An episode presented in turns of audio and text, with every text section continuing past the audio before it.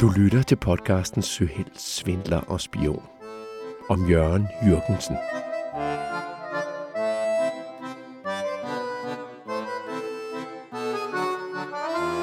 Denne her episode er nummer 4. I de første tre afsnit har du hørt om Jørgen, søn af en berømt urmager i København. Du har hørt historier om ham som spilopmager, som søhelt, om stifinder. Og nu er vi så kommet til Australien. Men inden vi går i land, så har jeg fundet en, som er i familie med Jørgen Jørgensen. Altså en levende dansker lige her og nu.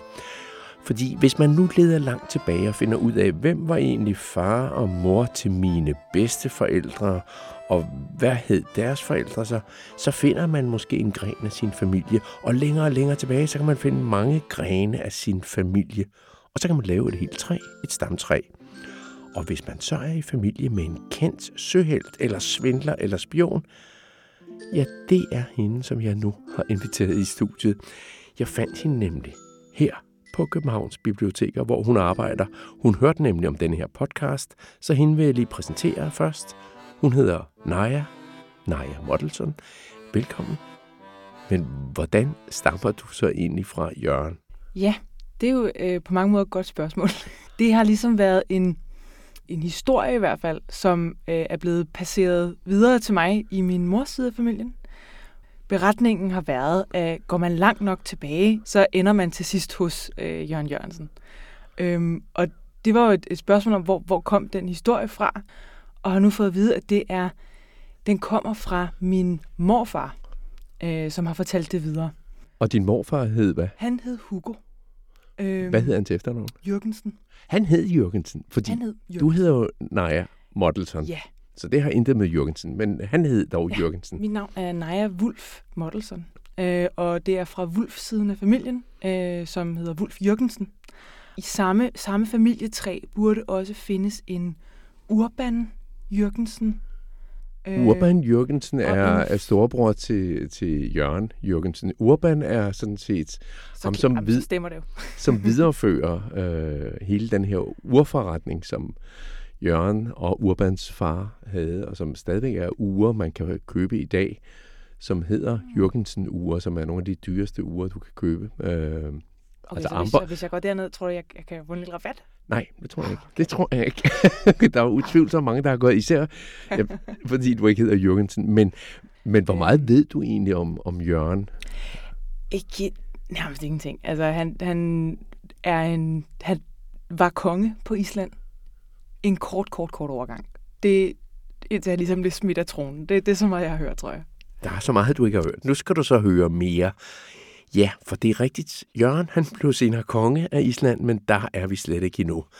Det er først om 4-5 afsnit, tror jeg, eller sådan noget i den retning. Det ved jeg ikke endnu. Jørgen er på det her tidspunkt i historien om Jørgen Jørgensen, her i fjerde afsnit, på vej til en ø syd for Australien. Så lyt med her, både dig, Naja, og alle jer andre.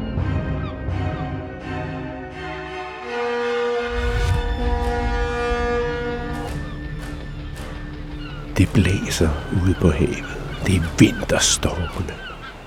Der er is på masten. Der er is i skægget på Jørgen. Det er koldt. Træskibet, han står på, er lastet med alt muligt, der skal til for at bygge en by. Der er en masse træ til at bygge huse med. Der er en masse dyr, som man kan dyrke i jorden. Der er en hest, som skal drive ploven, når man nu skal pløje jorden op. Dengang havde man jo ikke maskiner, eller traktorer, eller havefræser. Og så er der også en tyr med. En tyr til de 12 køer, så der kan komme en masse kalve senere. Og så er der får, både dame og herre får. Ja, der skal også komme små lam senere. Og så er der, ja, damesvin og herresvin. Det hedder de jo altså i virkeligheden ikke. De hedder ikke damesvin og herresvin. De hedder ovner og søer. Men skidt med det, der er også høns. Ja, nu er det jo ikke kun dyr, der skal til for at bygge en by. Der er også en masse værktøj og telte og tæpper og møbler og alt sammen ombord på det her skib, som Jørgen Jørgensen er styrmand på. Og det rusker i sejlet. Og det gynger. Åh oh, nej, jeg får det med. Og masten, ja rent faktisk knækker masten første gang skibet forsøger at sejle afsted med alt det her.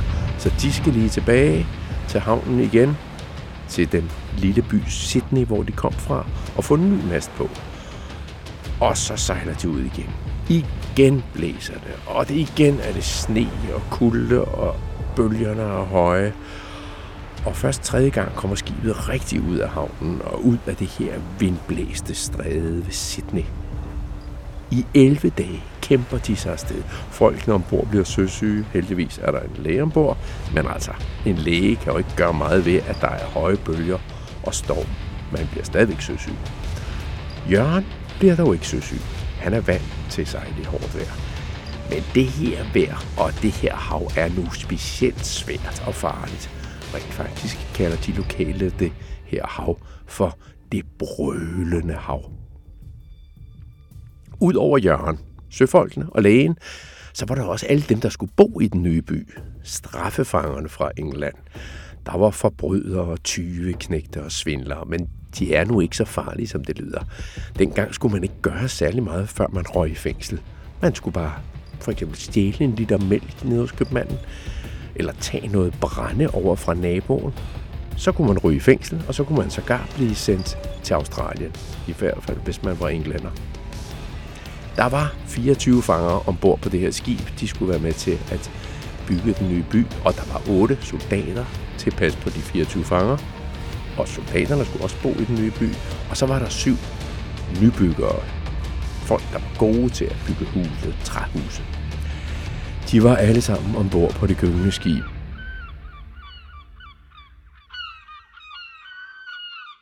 Åh, det var godt. Så holdt blæsten op.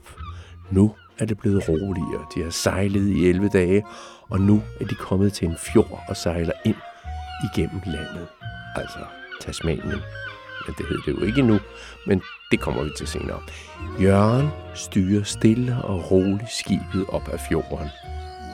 Han kunne høre dyrelydene inden fra land, og inde der bag de store eukalyptustræer. Det lyder lidt uhyggeligt. Det kan jo være, at det er tasmanske djævle. Det er sådan en speciel slags hunde, der er derinde. Men det var smukt, og de sejlede op af fjorden og et stort bjerg. Og for foden af bjerget, ja, der, der skal byen ligge. I dag ligger der lige præcis der, hvor Jørgen første gang kom med skibet og med alle straffefangerne og alt træet. Lige præcis der ligger der i dag et museum, hvor de viser en film om Tasmaniens allerførste by. Og filmen begynder med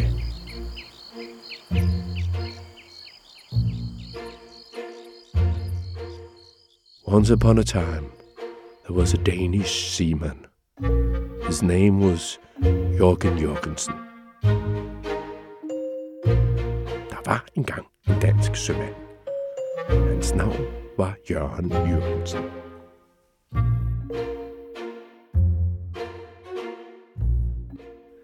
For nu at være helt ærlig, så er historien den, at de hurtigt fandt ud af, at jorden, som de skulle bygge på, ikke var særlig god. Man kunne godt bygge et træhus på det, men man kunne ikke dyrke så meget korn, eller man kunne ikke dyrke så meget som en kartoffel der. Det var hård og dårlig jord. Så de flyttede længere ned ad floden lige kort tid efter, til det sted, hvor vi er nu. Her er god jord. Her kan man dyrke korn. Her kan man have kartofler, eller hvad man nu vil have, rødbeder. Måske, ja. Der er en smuk udsigt, og det blæser ikke særlig meget her. Og så er der masser af god skov lige i nærheden, så man kunne fælde nogle træer og lave træhus af. Perfekt!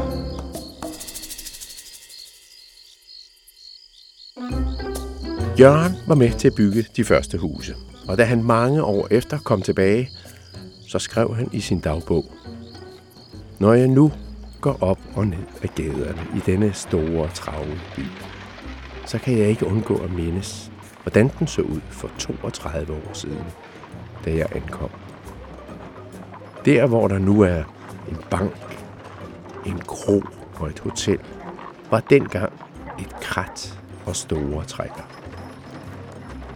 Byen, som Jørgen var med til at grundlægge, er i dag hovedstaden på Tasmanien, Hobart. Og det er der vores kronprins Frederiks kone, kronprinsesse Mary, kommer fra. Det var dagens historie om Jørgen Jørgensen. Hvad siger du til den?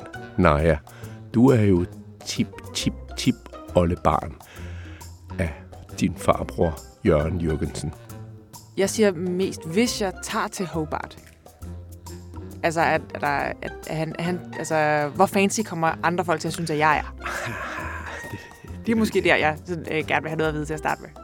Er der sådan store statuer af den, den Jørgensenske Nej, det, det... Opdager. Oh, det tror jeg ikke. altså, øh, jeg vidste ikke, at, at han var med på det første hold hvide mænd til, til, til Tasmanien. Altså, jeg krydser bare fingre for, at han ikke har gjort værre ting senere. Jamen, bare rolig. Der kommer mere. Der kommer meget mere om Jørgen. I femte afsnit, og sjette afsnit, og syvende afsnit.